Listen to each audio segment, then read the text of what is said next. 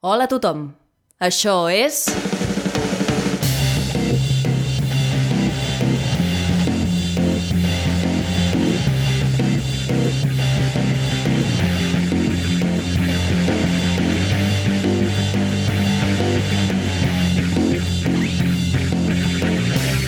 Verícid sulfúric.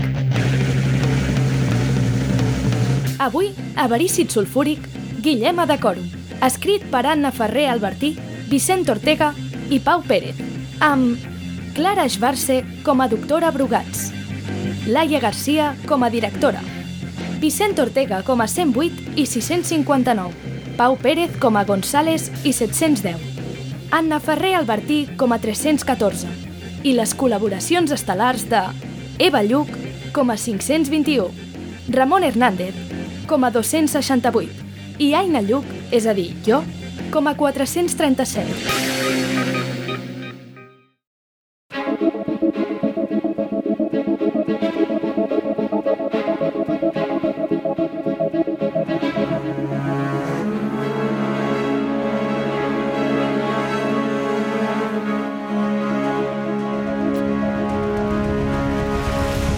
Obrir les portes a mitjans del segle XIX, el centre penitenciari Guillem de Còrum ha estat una institució tan temuda com respectada.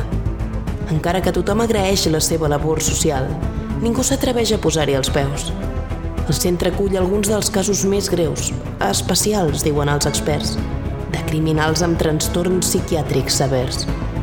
Els assassins i els lladres són a tot arreu, però el que trobarà el Guillem de Còrum no ho ha vist en tota la seva vida. Jo no vull ser aquí. Vostè no vol ser aquí. Però el cas és que és el seu primer dia de feina i li hem portat una panereta. Benvinguda, doctora Brugats. Molt amable, senyora directora. Té pinya en almíbar, uns torronets que ens van sobrar de Nadal... Ha provat les galetes sueques? Aquí n'hi ha un parell de caixes. Gràcies. I què diu que li va passar al meu predecessor? Ah, no res. No en té pas de predecessor. Només hem contractat una psiquiatra nova, ampliar la plantilla, sap? Necessitem reforços. El doctor Codony ara és el pacient 304. És tot el que volia saber. Ai, el doctor Codony. En fi, doctora Brugats, aquest és el seu despatx. Espaiós? Aquí té els historials dels pacients que li hem adjudicat. Avui només cal que facin una presa de contacte, eh? Ja s'aniran coneixent i ja veurà per on van els tiros. Per exemple, pacient 108. Aquest el tenim tots clinxat. Es fa veure, es fa notar, és un dels casos d'agressivitat més extrems que tenim aquí al Guillema. Tothom s'ha endut alguna mossegadeta. Veig que comencem amb un repte. Agafi-s'ho com un amic de la família, perquè el tindrà bastant sovint. Apa, ja la deixo fer. Que podeu portar el 108? Vagi bé, ja parlarem després. Faci, faci. Fill de puta! Us mataré a tots! Us mataré! Deixa'm anar! Tu, tu, malparit! No em toquis o et buidaré l'altre ull! Eh? Eh? Ah! Ah! Bon dia, pacient 108. Vostè és la nova psiquiatra? Sí, sóc la doctora Brugats. Doncs, doctora Brugats... Per l'amor de Déu, m'ha d'ajudar. Això no pot ser. Això que em passa no té cura. Es refereix al trastorn psicòtic? Si només fos això. No, doctora, estic enamorat. Ah, vaja, uh, me n'alegro. No se n'ha d'alegrar pas, no. És un amor no correspost. Um, segui, 108, segui. Vol un gotet d'aigua? És un guarda. Un guarda de seguretat d'aquesta mateixa casa. Segons veig el seu historial, no s'hi porta gaire bé amb els guardes. A un li va arrencar una orella d'una mossegada, a un altre un ull amb un ungle i a un altre l'ungle amb l'ull? Però és que aquest m'ha arrencat el cor amb els ulls també, amb la mirada. A primera vista, és que els té tan macos. De quin guarda estem parlant? Jo no en conec a cap. D'en González, de qui li he de parlar? Amb el que jo he estat, doctora Brugats, amb el que jo sóc. Però arriba en González i, oi, perdo l'oremus. Quan va començar a sentir-se així? Ai, No hi ha un moment, no hi ha un sol moment definitiu. És una persona que forma part de la teva vida.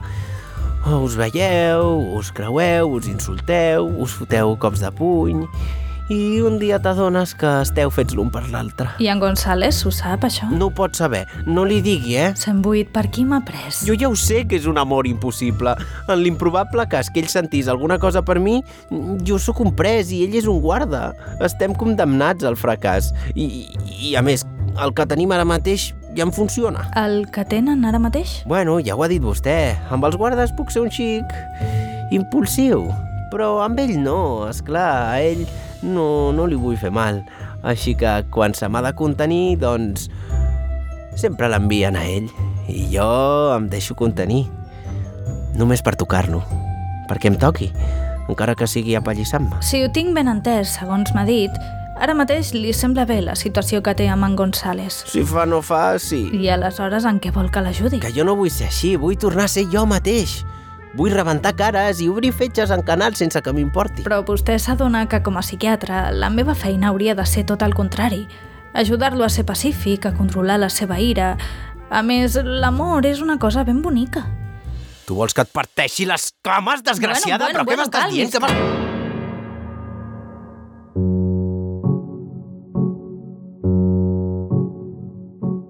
Tot va començar amb un somni. Des que era ben petita, cada nit somiava exactament el mateix. Quan se'm van començar a moure les dents de llet, me n'anava a dormir sabent que al món oníric em caurien totes, l'una rere l'altra. Que les començaria a escopir, fora de control, que vomitaria desenes i desenes de dents, fins a quedar colgada en una magnífica muntanya odontològica. La pèrdua dental és un somni molt comú. Sovint s'interpreta com una manifestació d'impotència o de por al ridícul. Les dents s'associen amb la força, les fem servir per mossegar i mastegar i si les perdéssim... No ho entenc, doctora. Era un senyal del destí. Ah, Vaig trobar la meva vocació i la vaig perseguir. Em vaig convertir en dentista. Als 20 anys ja tenia la carrera, amb especialització en cirurgia maxilofacial. tan jove i amb una carrera tan exigent. Gràcies, però no. No va anar tan ràpid. No em podia conformar a ser una simple cirurgiana. Necessitava saber-ho tot sobre l'odontologia. Així que vaig estudiar quatre especialitzacions més. Radiologia, ortodòncia, prostodòncia i odontopediatria. I com una metgessa tan capaç i apassionada com vostè acaba en una institució com el Guillema? No s'ha mirat el meu portafoli? El seu... Historial. Vostès li diuen historial. Sí, el tinc. No pateixi, ja li explico jo. Vagi a la pàgina 30. Ah, ui, doncs esperis a veure les més recents. Aquesta és una de les primeres, quan encara no tenia consulta pròpia. En començar com a maxilofacial, m'anava guardant tots els queixals del seny que arrencava. Eren com les meves medalles, els meus trofeus. Em vaig arribar a tenir un calaix ple. Amb cada intervenció m'acostava més a la muntanya de dents que somiava de petita. Però com més me'ls mirava, més pensava... Això no està bé. Es va començar a sentir culpable? És clar, les dents no han d'estar guardades en un calaix. Les dents han de ser a les boques de la gent. Correcte. Just estava pensant això. Em va arribar un nou pacient. Tenia les dents fetes pols i li calia un implant complet amb pròtesi fixa, però no podia pagar-se'l. Així que li vaig dir... Escolti, la primera visita és gratuïta. I ho vaig fer. Li vaig implantar tota una dentadura feta només amb queixals del seny. Ah, i aquí va ser on me'n vaig adonar. No només era una dentista, era una artista. Vaig obrir la meva pròpia consulta i em vaig posar a crear. Pàgina 35. Ah, el somriure descobert. A aquest pacient li vaig practicar un eixamplament de comissura, fent-li talls a banda i banda de la boca perquè lluís la dentadura al complet. Realment tenia unes dents precioses. Era pràcticament un crim que tingués la boca tan petita. Pàgina 40. La triple cavitat. Una tercera part de la nostra vida la passem mastegant. En canvi, parpellegem sense adonar-nos-en. Per què no aprofitar aquest acte involuntari i optimitzar esforços? És una de les meves millors creacions. Vaig implantar una nova dentadura a cada ull del pacient Li vaig regalar una vida fàcil, còmoda i pràctica. Pàgina 45. Uf, ah, Sopa de boca de tauró. La meva darrera obra. El pacient era un crític gastronòmic de fama mundial que necessitava assaborir el menjar com ningú no ho havia fet mai. Crear noves textures, processar els aliments d'una manera única. I què millor que tenir tres files de dents per fer-ho? Miri quina preciositat. I a la pàgina 46 veig que va ser un cas molt mediàtic. Què hi farem? La societat no està preparada per l'art contemporani. El pacient no va quedar satisfet, de manera que em va posar una denúncia. Em van tancar la consulta, es van assabentar de la meva pràctica transgressora i em van declarar no apta per exercir la medicina. Així que em van portar aquí. I aquí em té. Pacient 521. Jo també pertanyo al gremi de la medicina. Si em permet, li he de dir que... Ara que m'hi fixo, diria que els molars li estan apinyant una mica la resta de dentadura. No li cal pas un repasset? Doctora, m'ha de creure, sisplau, sóc innocent. A veure- Encara no ho entenc, porto mesos tancat aquí dins. Però vostè- Com si fos un delinqüent, com si fos un assassí, com si estigués boig. Eh, és que- Segle XXI, senyores i senyors, segle XXI, i et foten a la garjola per escriure una cançó. Una cançó? Els meus temes parlen dels drets humans, de la repressió del govern. Què passa, que no els interessa, no?, que es parli d'aquestes coses? 710. Llibertat d'expressió, llibertat d'expressió! 710. Em poden fer callar a mi, però no faran callar els meus ideals. El poble és fort! 710. Ai, què passa? Que no, que aquí no hi diu res de cap cançó, que vostè l'han tancat per... per cremar un convent. Ah, vale.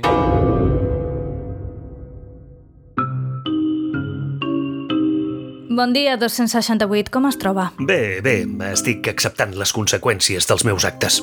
I vostè? Jo... no, però també bé. Vostè és aquí per... Ah, el cas del carnatge de febrer. Fa poc que l'han declarat culpable, oi? Sí, m'han declarat culpable. És el que havien de fer. Opina que els seus actes són èticament reprovables? No, el que vaig fer està bé.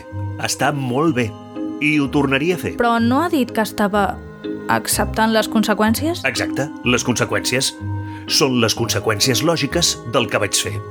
Això no vol dir que em penedeixi de res. Mirem-nos el cas.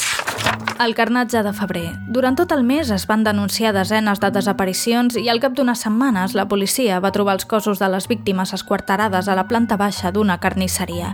És correcte? És correcte. I vostè era el propietari de la carnisseria. Um, no. Però, segons aquests documents, l'assassí era el carnisser. No, no, no, no, no. El carnisser és la persona que van acusar inicialment. No s'ho van pensar gens. Era el blanc més fàcil possible. On queda la presumpció d'innocència? I aleshores com ho va fer? Veig que no s'ha informat gens. Faci el favor de buscar la documentació judicial. Disculpi. Miri, tinc la transcripció del judici.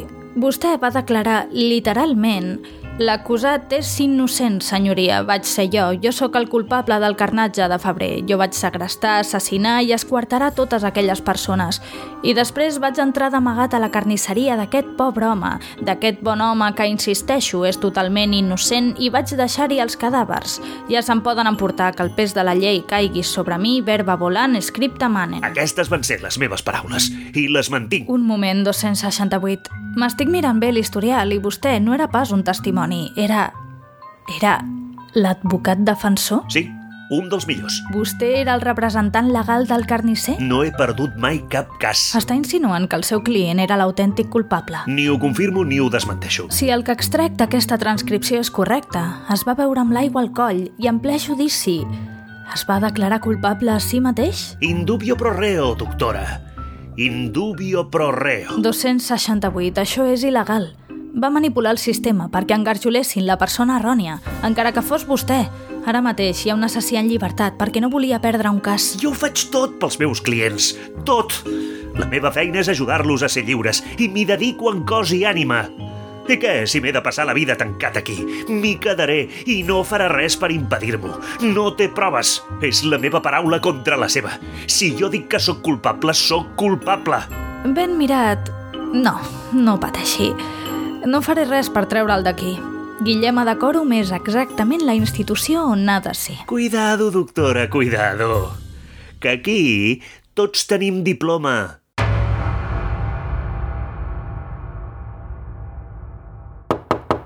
Sí?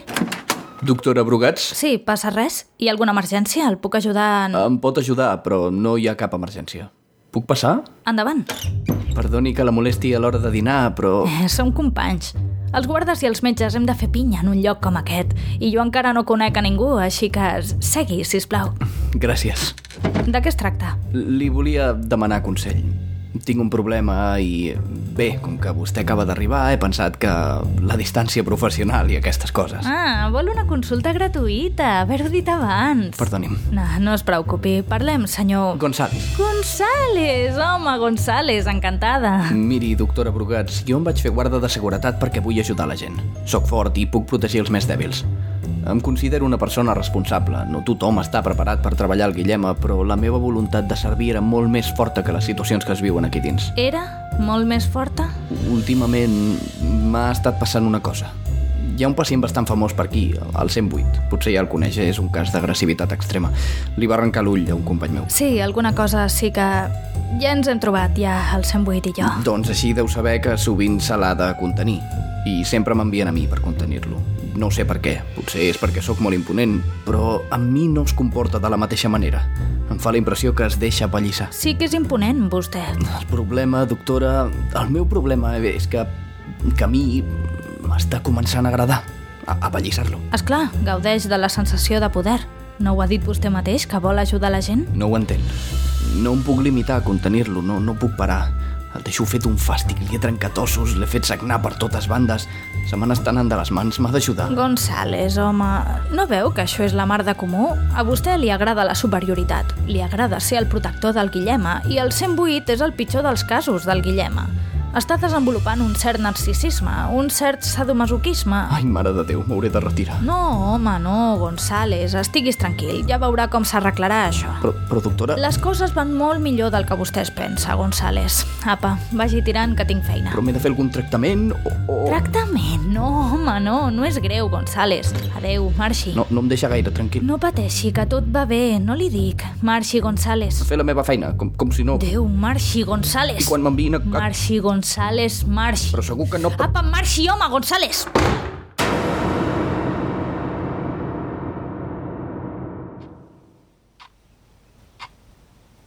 «659. Em podria explicar, si plau per què ho va fer? I afanyis?» A veure, jo era gestor. És una feina que es pot fer molt dura.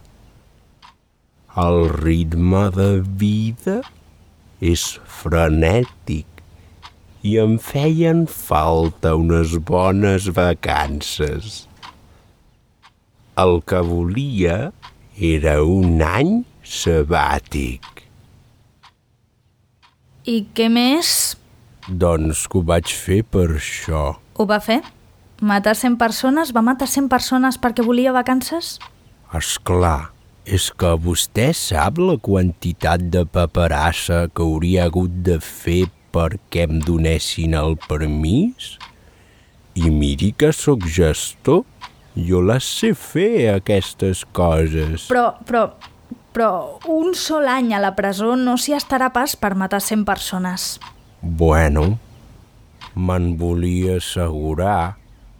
Això vol dir que ara tindré una miqueta més de vacances. És, és, eh, eh, és vostè... Sí, senyora, sóc jo. No, és vostè conscient que es podria passar tota la vida tancat aquí dins? Ah. Puta?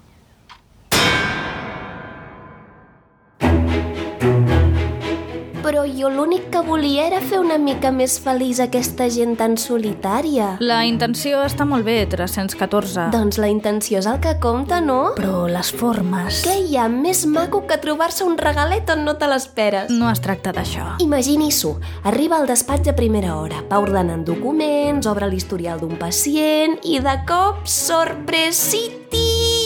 Una felicitació d'aniversari. Per fer això hauria hagut d'entrar al despatx sense el meu permís i accedir a uns documents altament confidencials. Però un cadàver no és informació confidencial. Jo no hi puc llegir res en un cadàver. 314. Ha de comprendre que colar-se en un dipòsit de cadàvers, esbudellar un cos i guardar-hi un osset de peluix perquè el trobi un pobre forense és totalment il·legal. Ai, però és un detallet. Es pot imaginar el desconcert d'un forense que troba un osset de peluix en una caixa toràcica? Jo m'imagino el seu somriure. Quant de temps va estar fent això abans de ser detinguda? Ah, doncs uns quants mesos. A vegades punxava la ràdio de la policia i arribava a les escenes del crim abans que ells. Altres em feia passar per treballadora del dipòsit per tenir accés als cadàvers. I vaig posar regalets, un clauer de la Hello Kitty, un cupcake de maduixa, unes enganxines de cocodrils divertits, un ram de violetes, un... D'acord, no pensi en els forenses, pensi en els cadàvers. Després de morir, li agradaria que una completa desconeguda les viscerés per estaforar-hi enganxines a les entranyes? No, no, és que jo no moriré mai, sap?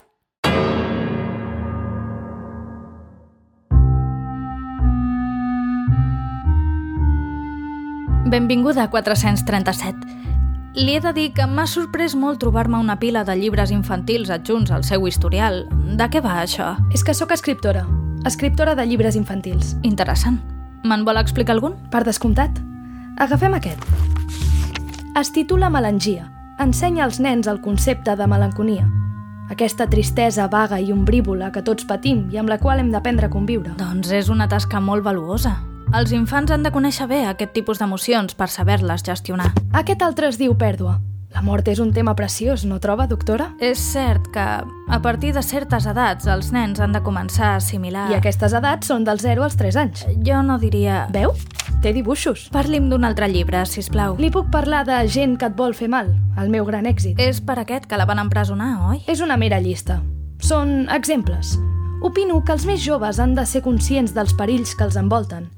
Segrestadors, lladres, assassins, violadors, pederastes...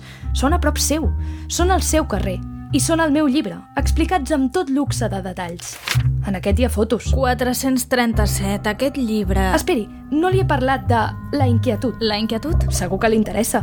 Miri, els animals són els millors amics de les persones. Estem d'acord? Jo fa molt que no tinc mascotes. Però els gossos i els nens es porten de fàbula. Juguen, corren, passegen... Estan fets els uns pels altres. Cap joguina està a l'alçada d'un bon amic pelut. Com que cap?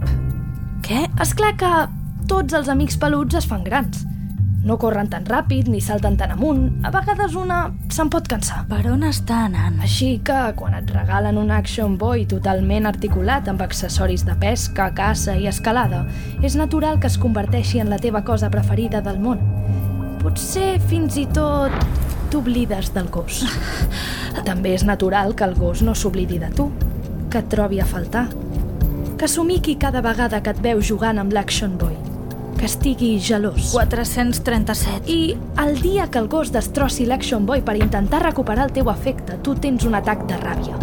Ets una criatura, no saps controlar la ràbia. Normalment ploraries, però aquest cop no et ve de gust plorar. I el gos ja és massa vell. Ningú sabrà si ha mort per causes naturals o perquè li has tirat matarrates al menjar. Com? Com sap tot això de mi? Perquè sóc escriptora. Escriptora de llibres infantils.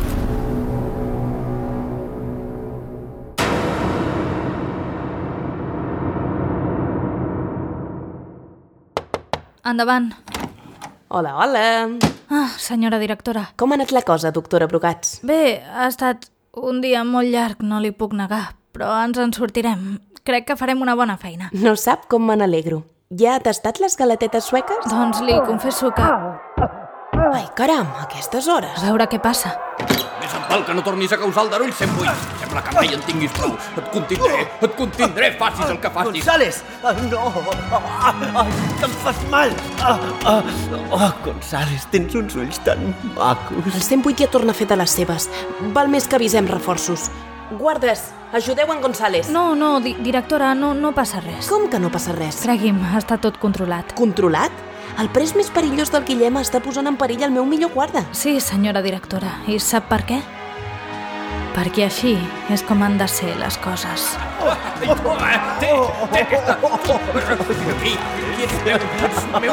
Para, para, Té aquesta, té aquesta... Au! Té, té, 108! No pararé mai, no pararé mai,